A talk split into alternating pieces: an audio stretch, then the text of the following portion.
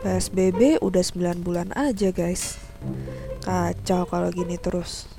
Semua rencana gue bisa berantakan. Sekolah, kuliah gue, kerjaan gue, bisnis gue. Sekolah, kuliah, online terus. Gaji udah dipotong sana sini. Ya nggak dirumahkan aja udah bersyukur. Tuhan, kenapa corona nggak selesai-selesai sih?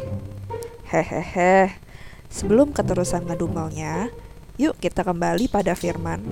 Di Matius pasal 6 ayat 27 bilang kalau kekhawatiran kita tidak dapat menambahkan sahasta pada jalan hidup kita.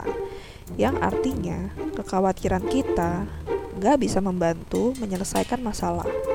Jadi gimana dong? 1 Petrus pasal 5 ayat 7 juga memberitahu kita bahwa kita perlu menyerahkan segala kekhawatiran kita kepada Tuhan.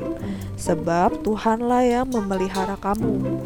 Di Filipi pasal 4 ayat 6 memberitahu kita janganlah hendaknya kamu khawatir tentang apa pun juga tetapi nyatakanlah dalam segala hal keinginanmu kepada Allah dalam doa dan permohonan dengan ucapan syukur.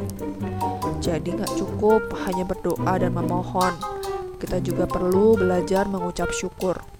Hmm, gimana caranya ya mengucap syukur dalam keadaan yang gak menyenangkan seperti sekarang ini? Banyak loh hal yang bisa disyukuri, seperti halnya Tuhan masih memberi kita nafas, kesehatan, orang-orang di sekitar kita.